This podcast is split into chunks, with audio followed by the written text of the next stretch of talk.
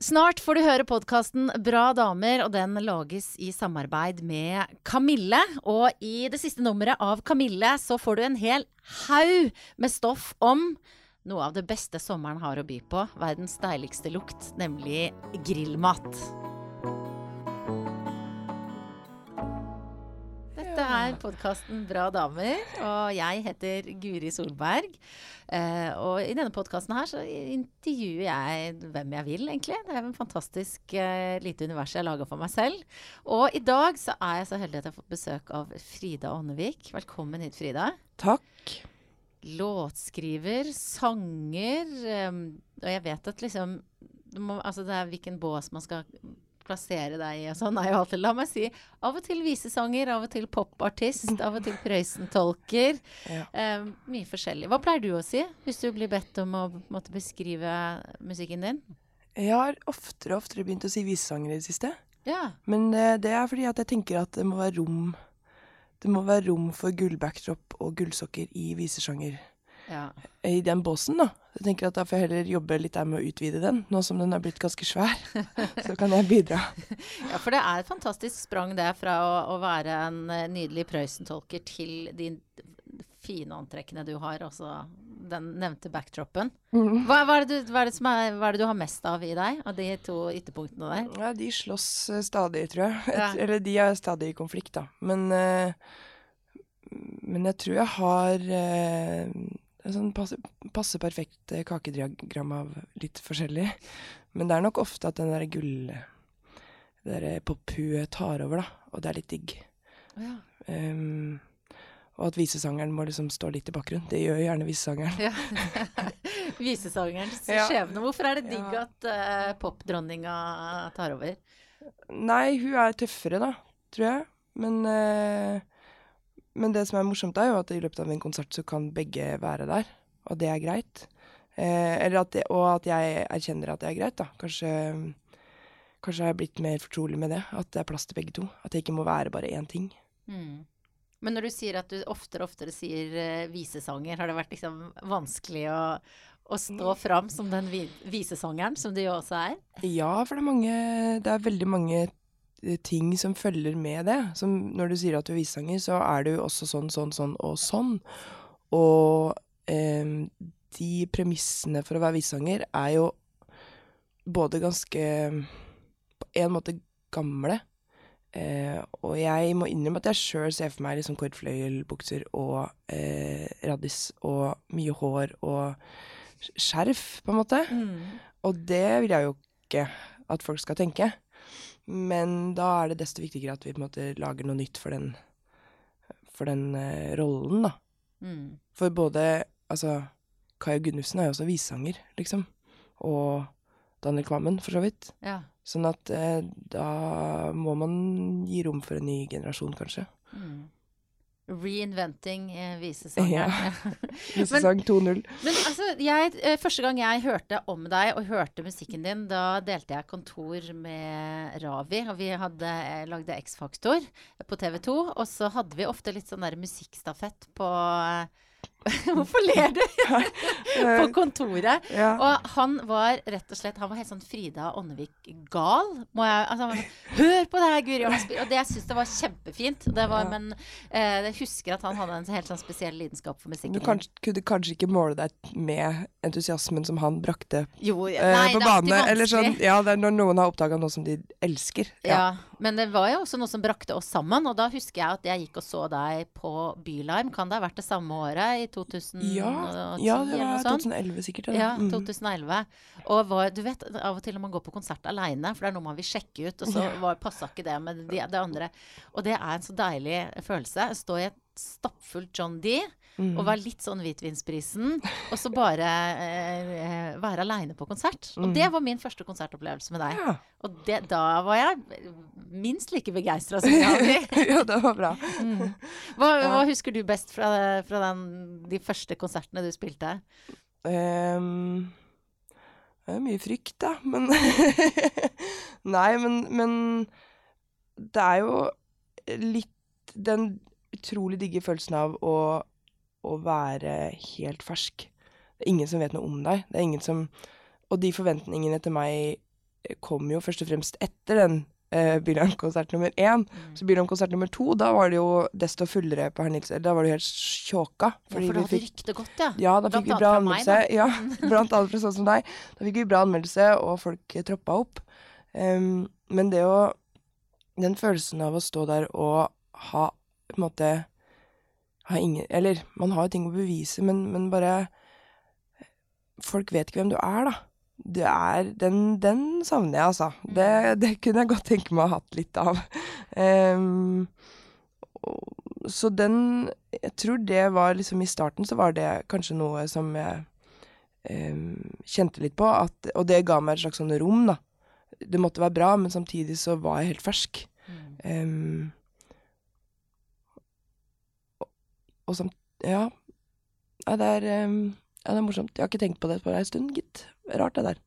Men er det sånn eh, når du nå eh, gir ut musikk nå og spiller nå, eh, så vet jo folk hvem du er, ja, det er hun, og så har de forskjellige referanser og sånn. Mm. Eh, Syns du det er vanskeligere? Ja, det er litt vanskeligere. Fordi Og fordi jeg nettopp kanskje er mange, da, så kan folk gå på konsert, og så har de et ønske om å Men, men publikum mitt er veldig flinke til å følge opp, da. De vet når det er Prøysen, og de vet når det er Bølle, og de vet når det er meg. Så det, er, det skal de ha. De, de googler. um, men jeg er uh, Siden det er på en måte såpass mye ting i repertoaret, så, så må jeg på en måte velge. Bare rendyrke konsertene og gjøre det til Nå er det dette, liksom. Um, men det er noen forventninger, tror jeg, om, om hva jeg skal være, og, og hva folk skal få høre, og hvordan jeg skal være. Så det kjenner jeg jo litt på, men, men samtidig så tenker jeg jo litt sånn, eller på en måte blitt såpass Vært her såpass lenge nå at jeg tenker at jeg gir det jeg vil gi. Eh, og i løpet av konserten så hvis, hvis det var det folk ikke ville ha den dagen, så er, kan ikke det være mitt problem, på en måte. Ehm, så min hovedoppgave er å stille på den scenen med en kapasitet der alt kan skje, da. Og at det- det er, det er blitt mitt frirom på, på mange måter at eh, hvis jeg er klar, hvis jeg har kapasitet, eh, og musikerne mine er der de skal være, så, så kan alt skje. Og da, da som publikummer sjøl, så vil jeg heller være på sånne konserter, da. Mm. Og da tenker jeg at det er det jeg vil lage. Men det krever jo litt eh, guts og selvtillit å skulle på en måte ta den makta da, på en måte over eh, alle de ja, rollene dine og de ulike uttrykkene. Hvor har du funnet uh, tryggheten til å uh, tenke sånn? Jeg bare har vært så redd så sykt lenge. Fra jeg starta å spille og starta å synge og lage låter, så jeg har vært så innmari mye redd, så jeg er bare dritlei det. Jeg tror det er det det kommer av, at jeg orker ikke mer av det. Og da um, Da er det tryggere for meg å, å, å satse stort på den måten at eh, at konsertene skal være et fristed. Det skal ikke være det samme hver gang. Sangene skal ikke synges på samme måte hver gang. Bandet skal ikke spille det samme hver gang. Det er tryggere for meg enn at nå gjør vi det fra A til Å, helt likt hver gang. Det blir jeg skikkelig stressa av. Og veldig bindig av, da. Jeg føler meg ikke trygg i det hele tatt. For da er det ikke kjedelig, men det er Ja, det er, det er låst, rett og slett, da. Hva har du vært redd for, da? Nå har jeg vært eh, Jeg vet ikke hva jeg er jeg, har prøvd å finne ut av det, men jeg eh, Når jeg studerte og før det, så har jeg vært så innmari mye redd for veldig mye. Jeg vært redd for, for hvem jeg er, og at det skal synes ut hvem jeg er, og at det samme skal skje i musikken, at, at, eh, at man ser det som faktisk er der. Ja, det har jeg vært veldig veldig redd for. Og så har jeg vel på en måte bare kommet til det at men det er jo det som er greia. Det er jo det man må vise fram. Men jeg husker eh, studerte i Kristiansand, blant annet sammen med Hanne Kolstø, som er framifrå popmusiker. Og hun kjefta på meg fordi jeg var så redd. Det er jo kjempebra, det funker jo dritbra å kjefte på noen fordi de er redde. Det er måtte... ja. Men eh, med Hanne, Hanne gjør det på en sånn måte at det faktisk funker. Ja, ja. Så bra. Ja. Ja, hva var det hun sa da som gjorde at du Altså, slutta du etter det? Eller? sånn? Nei, men jeg tror det måte gikk sånn gradvis. At, uh, at jeg skjønte at uh, det går ikke an Jeg kan ikke være redd. Jeg kommer ikke noe sted med å være redd. Em, og Hanne I Kristiansand så viste Hanne meg at alt er mulig, og det er plass til alle, og eh, du kan lage akkurat den musikken du vil. Og hun var en sånn mot i et system hvor man skal være en trykkoker, man skal utdanne seg på en måte i samme retning, så kunne du banne på at uh, Hanne Kolstø alltid gikk mot, liksom. Uh, og det var utrolig bra som forbilde på liksom at ja, uansett hvilken retning folk gikk i, så gikk Hanne som regel mot. Um, og det samme gjorde for så vidt uh, Guro Mo, som er uh, improvisasjonsmusiker. Uh, ja, Tara. Veldig mange av de jeg gikk sammen med, var sånne som bare Nei, come on. Og det tror jeg hjalp på sikt. Så, så når du nå står på scenen, så er du helt fri for den frykten, eller? Nei, jeg er redd. Det er jo det jeg går inn med. Det er jo mye frykt. Men, øh, men, det tar jeg med meg inn på scenen, og så bare øh, heller jeg det ut ja. på, på, publikum. Og omdanner det til et eller annet da, som kan brukes til noe. Men, øh, men, jeg må være litt redd og må være nervøs og må være litt sånn spent for at det skal kunne på en måte utløses. da. Så nå vet jeg at det, det må til. Um, men det er klart at uh, den overgangen fra å være noe som Og at det er noe man ikke kan kontrollere, til at det er noe man må ha der og må kontrollere for å kunne lage kunst av det, eller lage noe av det. Den uh, overgangen har skjedd litt sånn gradvis. Mm. Ja. Det er vel sikkert noe som alle eh, strever med eller prøver på gjennom livet. Men jeg føler at hvis man er kunstner som deg, så er man på en måte nødt til å være mer i kontakt med det. da. Så man ja. er sikkert enda mer redd og enda mer tøff, kanskje, enn andre, andre jobber.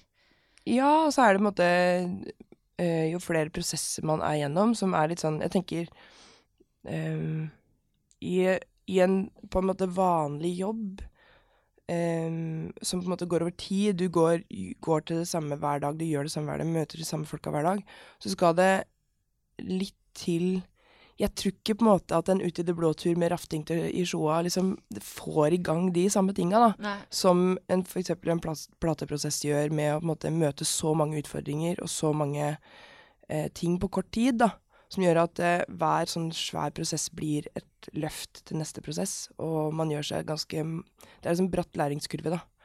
Så de der ute i de blåturene med rafting, de burde byttes ut med et eller annet sånn Gi ut plate du òg, ja, gi, ja, ja, Et eller annet sånt. Ja. Men er det noen ganger du tenker sånn Nei, skulle jeg uh, Skulle jeg blitt, ja, om ikke raftinstruktør? skulle jeg blitt sykepleier? Skulle jeg blitt uh, arkitekt, da? Jeg kan ikke bli sykepleier. Jeg, kan, jeg, har, jeg, har, jeg er så redd. redd for å sette sprøytefeil? Ja, nei, redd, ja. Nei, det er mye bedre å være, være der jeg er. Jeg tror det er det jeg Hver gang jeg har en sånn runde, så koker det ned til det. At, uh, at det egentlig er veldig, veldig bra å være der, der jeg er. Ja. Men, uh, men jeg er jo Det er mange ting jeg kunne liksom tenke meg å gjøre, men jeg gjør dem jo litt sånn um, Altså, jeg har tenkt man bør jo f.eks. ha en hobby, har jeg lært siste åra. Mm. Eh, har du en hobby? Ja, nå har jeg liksom skaffa meg litt hobbyer, da, for å, for å ha det. Um, så det er litt sånn Da kan man Jeg har områder hvor jeg ikke har like høye krav til meg sjøl, f.eks. Ja. Det å ta bilder er en sånn greie for meg at jeg kan ha et bra kamera, og jeg kan ta bilder, men det er ikke noe Det skal ikke noe Og jeg kan ha liksom ønske, eller jobbe med at det skal bli sånn som det skal bli, og lære meg ting, men jeg har ikke det samme kravet der som jeg har til musikken, kanskje. Mm. Så noen sånne rom hvor jeg kan gjøre noe annet, da. Men er det lett for deg å ha noen sånne områder hvor du ikke behøver å være flink? Eh, det er dritvanskelig. ja. Det går sånn passe. Men det er bra å øve seg på. Ja. Jeg er f.eks. Eh, ganske godt under middels til å parkere bil. Jeg, og jeg øver meg For det første så prøver jeg å bli, bli, litt flinkere til å parkere. Men jeg også øver meg på at liksom å være Jeg kan stå for å være hun som har den bilen som står litt grann sånn på skeive der alle de andre står rett. Ja. Det er vanskelig. Jeg jobber med det. Ja, parkere bil er sånn, faktisk sånn Ja, det er nesten en hobby. Det er Eller sånn Ikke en hobby, men det er noe man kan bli flinkere til. Uff a meg. Men du, jeg tenker på, jeg tenker på uh, Når jeg hører på musikken din, så minner det meg om sånn jeg hørte på musikk uh, da jeg var yngre. Altså at jeg gikk på musikkbutikken, og så kjøpte jeg den ene, eller kanskje de to CD-ene jeg hadde spart opp til. Og så gikk jeg hjem, dette var gjerne en lørdag, satte meg ned, hørte på og bladde i tekstene. Leste alt som sto i coveret. Så det var en litt sånn mer sånn intens måte å høre på musikk på enn det man har i denne Spotify-tida. Mm. Og jeg, din musikk, den vekker sånne følelser. Da er jeg tilbake litt sånn Da får jeg lyst til å eh, sette meg ned og tenke på hva hun mente og sånn. Um, det er veldig fint sagt. Ja, men skjønner du, skjønner du hva, ja, eh, hva jeg mener? Ja, jeg skjønner, men det er veldig hyggelig at du ser det sånn. Eh, Hvilken, eh, hvilket forhold har du til det derre ja, så Jeg vet jo du har jo fått priser for tekstene dine, og jeg skjønner jo at det er viktig. Men hva, hva begynner du med, f.eks.? Hva, hva er det som er det mektigste i det for deg? Jeg begynner med tekst. Og jeg begynner med Jeg begynner med en, å bestemme at nå skal jeg skrive. Eh, og det er i seg sjøl Det vil si at jeg booker tid i, på øvingsrommet mitt. Jeg går inn og liksom Jeg skal være der fra ti til fire de fem dagene. Og da Det er jo å kjøpe seg tid, på et vis. Ja. Og bare den, den følelsen er litt sånn Oi, nå skal det, nå skal det jobbes, folkens. eh, den, det er liksom det jeg begynner med. Å gi det tid og gi det rom og bestemme at nå skal jeg gjøre det. Og så er det å gå gjennom alle bøker, kladdbøker, skrivebøker, Mac-en, se hva som ligger der fra forrige gang jeg gjorde en sånn type prosess. Og ofte så varer jo den over et halvt år, et år. At jeg har sånne lange dager hvor jeg bare skriver og skriver og jobber og jobber og jobber. Så mm, dermed begynner jeg med teksten fordi jeg syns, jeg syns det er lettest. Og det er det som kommer først. Det er det som, fordi det er det som kommer når jeg er i bevegelse. Det er det som kommer på toget eller på bussen eller på når jeg står og synger eller øver eller Så er det det som kommer, og det er det jeg skriver ned. Og så kommer musikken når det er mer, litt mer rom, og når jeg kan lukke døra og gi det mer tid. Men hva er det som kommer da? Er det en formulering, eller er det en stemning som kommer? Nei, det er formuleringer og tekster, eller sånn linjer. Mm. Enkeltlinjer og ord. Eh, en tittel, kanskje, som jeg liksom bare må fylle med noe greier. Um, så det kommer litt sånn forskjellig, og så, og så kommer òg den bevisstheten om at yes, nå begynner, det å, nå begynner hun å jobbe, liksom. Mm. Em, og da er det bare å lene seg tilbake og bare håpe at underbevisstheten bare tar ansvar. Ja, gjør den det? Ja, den gjør ofte det, men jeg er kanskje blitt mer bevisst på hva jeg må gjøre for at den skal For at huet skal jobbe òg, og at det å sette av flere dager til å skrive gjør at da går man inn i det moduset, og da, da vet jeg altså det at eh, det er lurt å gå til og fra eh, studio, ikke ta bussen med headset med masse info på, eh, med musikk, og bare gi rom til at eh, hvis du går, så kobler du høyre og venstre hjernehalvdel sammen, vet du. Ja. Det er lurt. Ok, da gjør vi det. Det er sånn derre Bare være bevisst de tinga som gjør prosessen lettere, og ikke låse seg og ikke, gå ut og ta en kaffe hvis det bare ikke vil noe mer, liksom. Men skjer det mye? At, at det ikke vil mer? Ja, det skjer, men, men jeg, det skjer Det er ikke sånn at jeg merker det så mye fordi jeg nettopp gjør de tinga. Jeg bare OK, det vil ikke. Da gjør jeg noe annet. Og det Det gjør jo på en måte at Eller det kommer jo av at jeg har hatt noen sånne smell, eller ikke smell, men sånn skrivemessig at jeg ikke får det til. Og at jeg må finne ut hvorfor Hva jeg må gjøre da. For at det ikke skal gå på psyken løs. Mm. Ja. Men gjør det det? Altså, det er jo et eh, heftig yrke da, når du skal eh, gå i deg sjøl og ha styrken og selvtilliten Ja. til å skape noe som skal på plate. Ja, men jeg tenker ikke på det sånn. Jeg tenker at det er Nå må man bare spa ut den gørra eller den møkka som trengs, og så lage noe av det, liksom. Og at det Det er først når det er ute, eller at eh, dagen før en singel skal slippes, at jeg tenker litt sånn Oi! Dette er jo ganske personlig. Ja ja, det får vi bare måke ut. Um, fordi det går gjennom så mange filter. Det måte Det kommer jo fra et sted som er personlig og privat, men fordi det skrives så mange ganger, og fordi jeg eh, skriver kanskje en blanding av fiksjon og personlig, Mm. så, så fjerner jeg det litt fra meg sjøl, og forhåpentligvis allmenngjør det litt, da. Mm. Sjøl om, ja Det at det er personlig, gjør at det på en måte Jo mer personlig det er, jo mer sannsynlig er det at noen andre kjenner 'dette handler om meg'. Men mm, hvis jeg bare skal skrive om ting jeg har opplevd, og ikke ljuge, og ikke observere andre, så blir, blir For meg så blir det kjedelig, da. Mm. Og jeg syns det er morsommere å åpne opp ut og finne på ting om folk på bussen, enn å bare skulle grave i mitt eget ja, kompost. Men det er jo en, en nydelig kombinasjon da, når du kan gjøre en, liksom, en sånn sammensurium av alle ting. Mm. Jeg liker det i hvert fall. Og det er eh, den derre friheten til å ljuge, og friheten til at publikum ikke helt vet hva det er, hva som er meg, og hva som er ljug, den, den er fin. Du sa i stad at du, en av de tingene du var redd for, var ja, at folk skulle se hvem du var. Mm. Hvorfor er det skummelt? Eh, fordi jeg syns det er en veldig personlig ting, på en måte. Og jeg eh, I det så ligger det en del sånn Det er det skumleste, da, å vise fram hvem man er. Um, men samtidig så er det jo fritt òg, på en måte. I det man gjør det, så har man den friheten fordi per definisjon så kan ikke noen ta deg på noe, for du har allerede vist fram alt som fins der. Mm. Eh, sånn at eh, Det er jo kanskje det jeg har kommet fram til, da. At, eh, at, nettopp det at Ja, hvis du viser det fram, så har du på en måte Har du det på din side, da. Mm. Jeg intervjua for um, en stund siden i den podkasten her en kollega av deg, Silje Halstensen mm. Bendik. Ja. Og hun eh, valgte eh, jo Bendik som artistnavn mye fordi at hun ville ha et guttenavn. Og hun var litt sånn eh, pissed fordi hun så at eh, hun og hennes kvinnelige bandkolleger ble behandla annerledes enn gutta. De spilte på samme festival som de ble anmeldt mm. på en annen måte og sånn. Er det en opplevelse du kjenner deg igjen i? Ja, det tror jeg alle Ja. Jeg er misunnelig på Silje som har har det, har det guttenavnet. Ja, men det er liksom Jeg syns det sier ganske mye, da, om åssen norsk, eller åssen musikkbransjen er og har vært. At hun går til det steget, liksom. At nå mm. kaller jeg bandprosjektet mitt for Bendik. Mm. Um, men sånn som det er nå, når jeg er der jeg er nå, har gitt ut de platene jeg har, spiller på de scenene jeg gjør, så merker jeg jo ikke det. Men jeg er ganske rask med å si fra hvis jeg oppdager noe, fordi jeg ser at Eller jeg vil i hvert fall ikke at de jentene som kommer nå etter oss, skal ha de opplevelsene som, som, vi hadde når vi spilte oss opp, på en måte.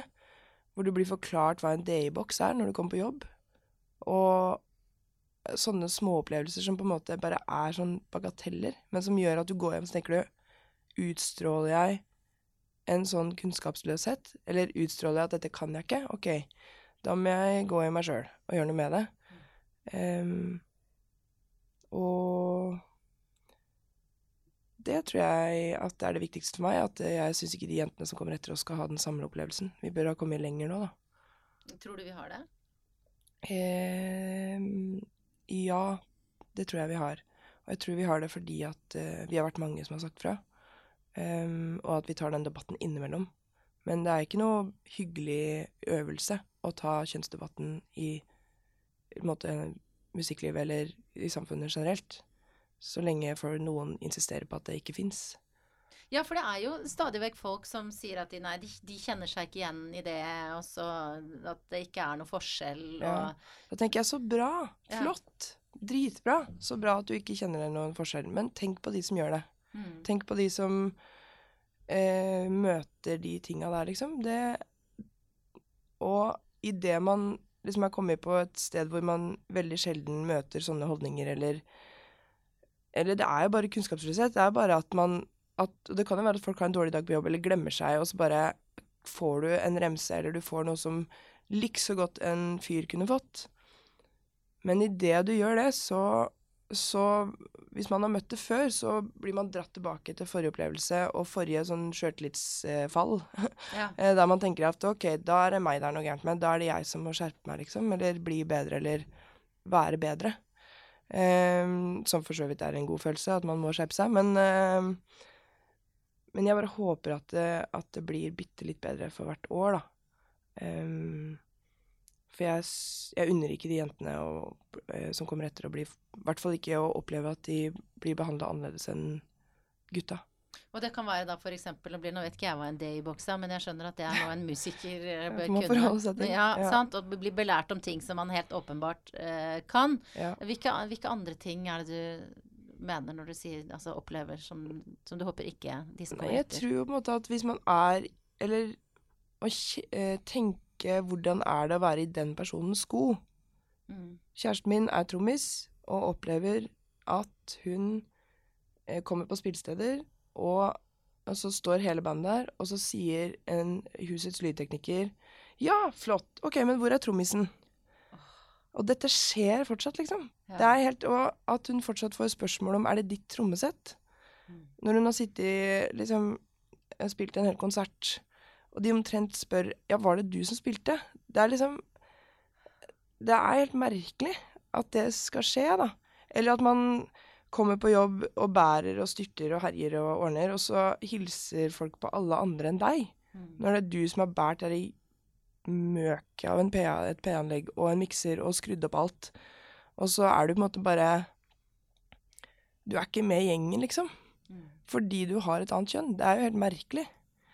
Og de erfaringene tror jeg vi gjør oss ikke på de store scenene, og ikke på liksom de For der er jo herlighet så mye flinke teknikere jeg har møtt ja, siste på turné nå. Det er helt vilt. Det er så sykt høyt nivå på norske kulturhusteknikere og på klubbscener. Men det er noen fortsatt som bare kommer dårlig ut, da. Og som bare slumper til å si noe de ikke skulle gjort. Fordi det hviler noen gamle fordommer i bakhuet, liksom. Mm. Ehm, der gutta er de som spiller, og jentene er de som Jeg vet ikke hva de gjør, men de gjør i hvert fall ikke det. Ehm, Men hva gjør du da? Er du sånn korrekt? Sier du ifra? ja, noen ganger sier jeg fra, men jeg prøver å si fra etter hvert blir jeg blitt mer sånn slepen. det, før, så før så måte går man bare rett i Eller først, i starten ble jeg jo lei meg. Ja. I starten så tør jeg ikke å ta det opp, ikke sant. Når du er ung og nyutdanna eller fersk eller hva faen. Da tør du ikke å si det. Og så kommer du til, til det nivået hvor du blir sint og liksom bare reagerer på den måten som eh, er naturlig. Mens nå er jeg litt mer sånn Du, den der var du ikke heldig med, på en måte. Ja. Jeg tror jeg, at jeg må måte komme dit, da. Mm. Fordi jeg tror at man kjenner det i det man sier det, eller man Jeg tror at det beror på litt misforståelser og litt dårlig dag på jobb. Ja, Også, men det er nettopp derfor det er litt lurt å si ifra, da. For at Ja. det er det som må bort, de der ubevisste greiene som folk Ja, bare som ikke skjønner. Som bare lekker ut, liksom. Mm. For det er jo gjerne fordommer som lekker ut. Og det er jo sånn som jeg nå sitter og snakker om nå, er jo på en måte fordommer og mot eh, Mot På grunn av de erfaringene jeg har gjort meg opp igjennom, da. At det fortsatt er sånn. Men jeg, det er blitt så innmari mye bedre enn det var. Men det har jo også med at jeg har spilt meg opp fra å spille på Ja. de småscenene til kanskje litt større scener og veldig, veldig flinke folk. Og der, de er vant til å møte eh, alle slags musikere. Så de er vant til at eh, Ja, de er på et annet nivå, da. Så jeg tror jo flinkere du er, eller Jeg vet ikke, jo flere du møter, jo større spekter av, av musikere og artister du møter, så, så lærer du at OK, det, her kommer det alt mulig rart, liksom. Mm. Um, jeg tror det har litt med saken å gjøre, men, men det er en sånn Det å eh, Vi har noen forskjeller i samfunnet vårt som vi ser helt typisk i tall, på en måte. Og det å da si at sånn er det ikke, når eksempel hvis du ser Gramo Torno-utbetalinger, som er ganske tydelige på hvor mange det er av oss i bransjen som får hvor mye betalt. Det er jo avspillinger av musikk, det er hvor mange konserter man gjør. Så leder gutta med helt sykt mange prosent. Og det er, veldig, det er mye mange færre damer i bransjen. Um, men, men de tallene snakker også til tydelige språk på hvor mye man tjener osv., hvor, hvor på listene man ligger. Uh, og det å da ikke erkjenne at det er strukturelle forskjeller, det syns jeg er litt sånn ja, unødvendig, da, på en Mm. måte.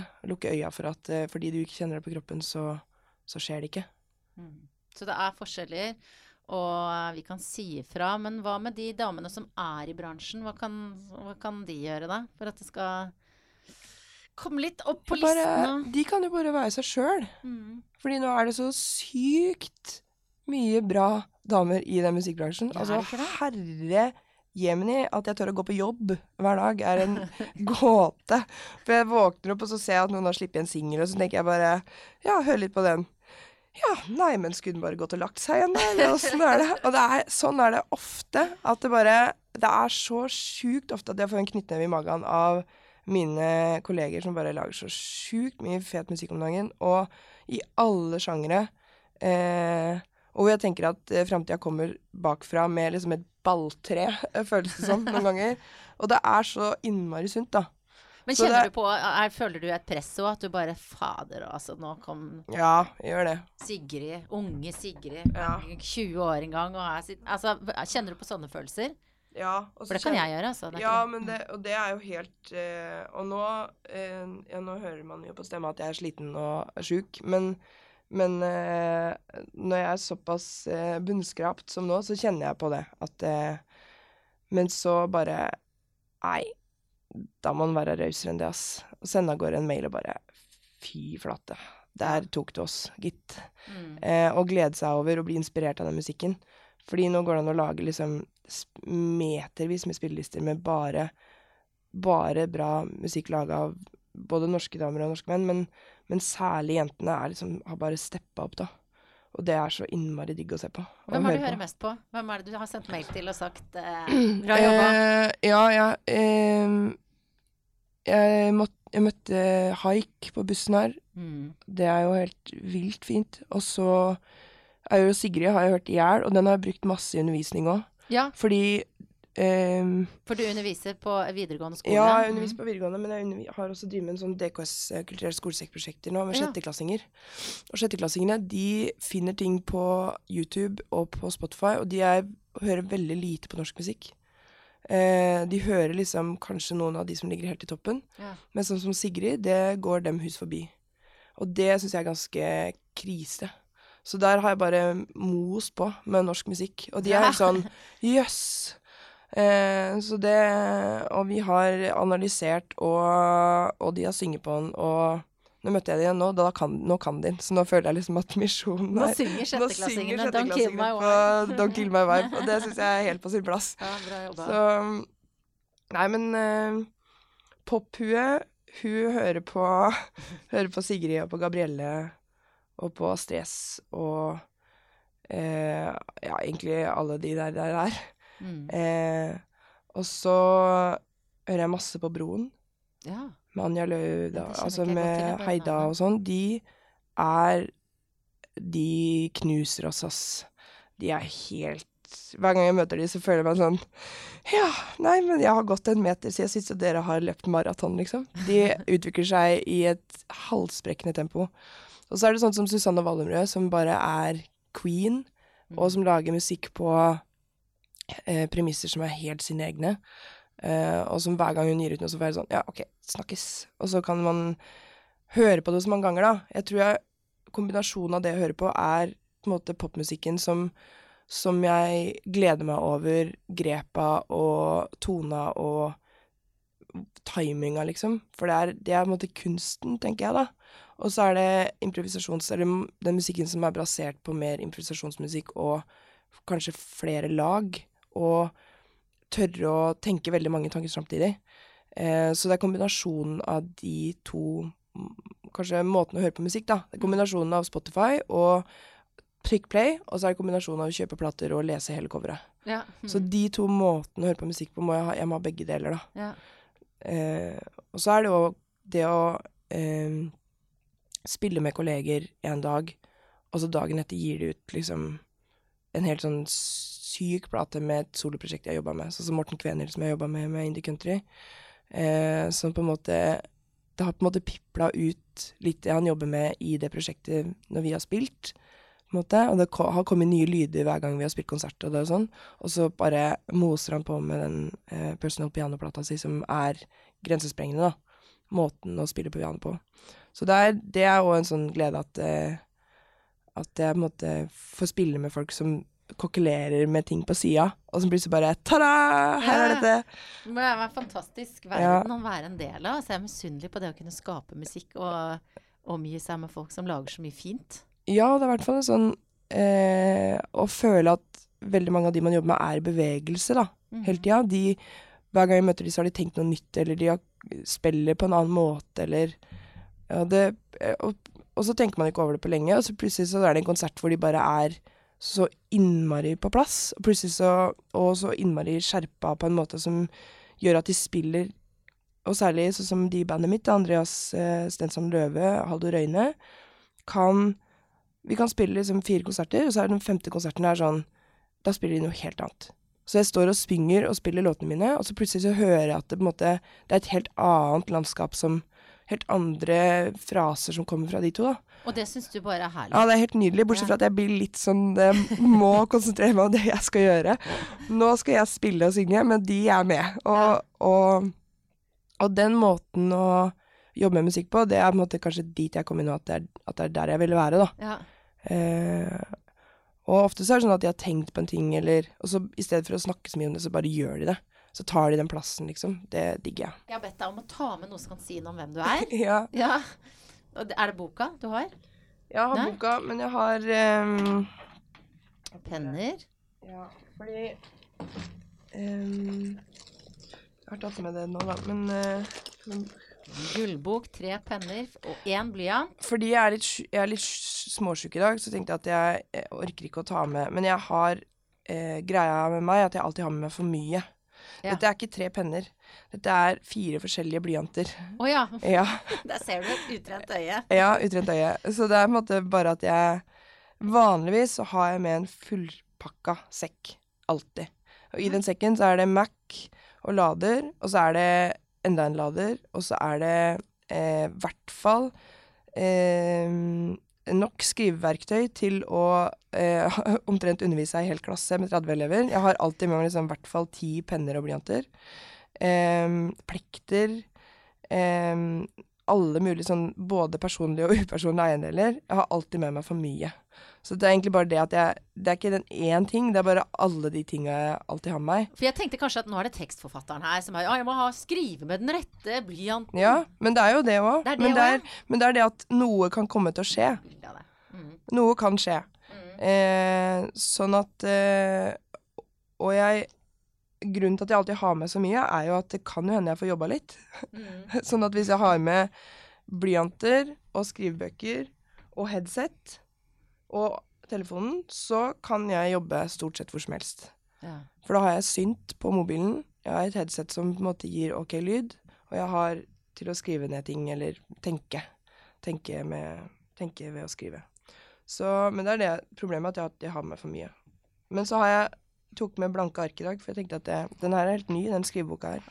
Noe så herlig med altså litt sånn stive ark foreløpig. Ja, den er Oi, sånn Så det er måte, dette er det jeg gleder meg til, da. Mm. Nå som jeg jobber veldig, veldig mye med det jeg allerede har laga, så er det også at jeg gleder meg til, til å kunne bruke de der, alle de blyantene jeg har med meg. Ja. Alle de arka til å lage noe nytt. Har du nå allerede booka deg tid, så du skal altså, sette deg ned og skrive den boka der? Eller når er det den for Nei, jeg eh, har ikke det. Nei. Det er det jeg måtte kjenne litt på at jeg ikke har. Eh, og at jeg Det skjer nok ikke kanskje før til høsten. Mm. Men jeg er jo i sluttfase med å spille inn plate nå. Sånn at jeg er jo i den prosessen. Mm. Men det er bare at den derre Det å begynne med helt fersk, ikke noen ting, begynne helt fra scratch, Mm. det gleder jeg meg til. Men det blir kanskje i høst. Mm. Det var bra at noen klarte, nå hadde vi snakket så mye om Prøysen, at du kunne ha sagt blanke ark og fargestifter Ja. til. Nå det er liksom- ikke det. Det er ei gullnotisblokk og, no, og veldig mange forskjellige blyanter. Jeg har noen faste spørsmål jeg stiller til alle lytterne mine, Frida. Eh, lytterne, Lytterne? mine. Ja, de, Det- de you dream også- on, kjære lyttere. En dag skal jeg stille dere det spørsmålet òg. Men i hvert fall eh, gjestene mine. Det ene er hva spiste du til frokost i dag? Eh, jeg spiste knekkebrød med jarlsberg og vårløk. Og så drakk det, en svær kopp kaffe. det er jo en veldig sånn eh, fin finesse av en detalj med vårløk på. Ja, det er ikke alltid jeg gidder det, men, eh, men i dag gadd jeg det. Men det var fordi jeg, jeg tok to Paracet i går og gikk og la meg, med håp om at jeg skulle være litt fri friskere i dag. Ja, nettopp. Det var jeg ikke. Nei. Men da tenkte jeg at da kan jeg i hvert fall eh, unne meg en god frokost. Men det er veldig sånn vane vanegreie. Mm. Mm. Hvor lang tid brukte du på å finne ut hva du skulle ha på deg i dag? Ehm, Åh, jeg er så dårlig på det her. Jeg um, tok det som var reint, og ikke ødelagt. Er det- Er det ofte mye Er det mange av klærne dine som er møkkete Ja. og ødelagte? Nei, men det er sånn jeg har vært Nå har jeg vært eh, hjemmefra noen dager, så jeg vet ikke helt visste ikke helt åssen det sto til eh, i klesskapet og skuffen. Sånn at jeg var litt sånn positivt overraska da jeg var åpna i dag. Tenkte jeg hm, jøss, her er det noe. Og i tillegg da en hvit uh, genser. Og det er jo også kreativt. Så hvit er veldig ren, da. Er veldig ren. ja. Men den er Den kan vrenges. Den kan brukes på begge sider. Så du har Så en grå den- underside. Det er også sånn der Noe kan jo skje. Ja. kan jo søle kaffe. Er det sånn du er på en måte litt sånn Du er alltid litt sånn på alerten? Ja, jeg Ja. vet hvor nødutgangen er, som regel. Mm. Du gjør det. Er det fordi du er redd, eller? Ja, det er jo det det bunner i, da, sikkert. Ja. Men, uh, nei, men det er litt sånn å ha, ha en utvei, eller ha en Ja. Mm. Apropos utvei, når hadde du sex sist? det er utveien. Ja, det er Ja. kanskje du trenger en utvei. For Ja, det er kanskje jeg trenger svare på utvei. det. Er vel eh, sikkert litt sida. Men jeg tror ikke det er så lenge til. Nei, ok, ja, men det er på en måte noe fint i det òg, da. ja. At det, føles, det får følelsen at det er noe i kjømda. ja. Ja. ja, men det er bra det er, for deg. da, er det, da er det på en måte greit. Ja. Det er eh, mange forskjellige damer som har sittet i studio her. Eh, Mm. Det er mange, mange forskjellige bra damer. Eh, Hva, hva tenker du? Hva er, beskriver en bra dame, syns du? Hmm. Jeg tenker vel ofte sånn eh, når jeg møter folk, eller um, At det er en veldig sånn sammensatt ting. Altså det er noen egenskaper, og det er noen Men det er jo liksom klisjé med liksom litt bein i nesa, kanskje. Em, og ofte så tenker jeg om bra damer at de er tøffere enn meg sjæl, liksom. Um, men jeg em, Ja, det er nok kanskje de damer som har mange av de egenskapene jeg ikke har sjøl, eller som, som jeg tenker har det. Nei, det er for vanskelig. å tenke. Mm, jeg har jo eh, faktisk en eh, spilleliste som jeg har laga over flere år, som jeg har lagt litt brakk nå, men den heter Bra damer mandag. Mm. Og det er rett og slett å samle bra damer i sted hver mandag. Um, og jeg har erfart at det er ganske lett å fylle den lista, for det første. Særlig nå. Um, men de fleste er jo bra damer. Både, både menn og damer. Nå må jeg tenke veldig mye. Um, Men føler du deg ikke tøff? Siden du syns de fleste bra damer er tøffere enn deg? ja, jeg tror det er jeg, Det sier ganske mye. Nei, jeg føler meg ikke så veldig tøff. Eh, nei, det gjør jeg nok ikke. Um, I noen eh, forbigående øyeblikk så kan det forekomme, men, eh, men sjelden. Um, jeg tror at bra damer har eller annen, et eller annet overskudd og en eller annen kapasitet som de er klar over, på en måte. Eh, og at jeg, når jeg møter sånne, så tenker jeg at de har et overblikk. Em, de vet hva de kan. De veit at de er bra. De veit at de er gode, men de, de gjør det på en ganske De behandler det og gjør det på en ganske raus måte, og i det at de vet det, så kan de også gi plass til andre, da. Det er nok en kvalitet jeg setter høyt. At eh, Og at det er eh, damer som møter liksom møte verden på en annen måte enn sånn som jeg sitter nå, med arma i kors og litt sånn jeg sitter også mye Ja. sånn. Men liksom bare Som er helt sånn åpne i kroppen og Hva skjer nå? Mm, Det er eh, Da er de litt De er ofte klare for alt, da. mm. Og sånne er det ganske mange av. Eh, så de eh, Og jeg er veldig glad når jeg møter dem, for da får jeg liksom stjele litt av deres sånn bra-ness. Ja. Og så kan det hende at det er noen som stjeler litt sånn av deg. Ja, det kan jo forekomme i de forbigående øyeblikkene hvor jeg føler meg litt tøff. eller, eller noe. Jeg tror du er tøffere enn du tror. Det var en fin beskrivelse. Det var kloke ord. Tusen takk skal du ha, Frida. Tusen takk. Monster.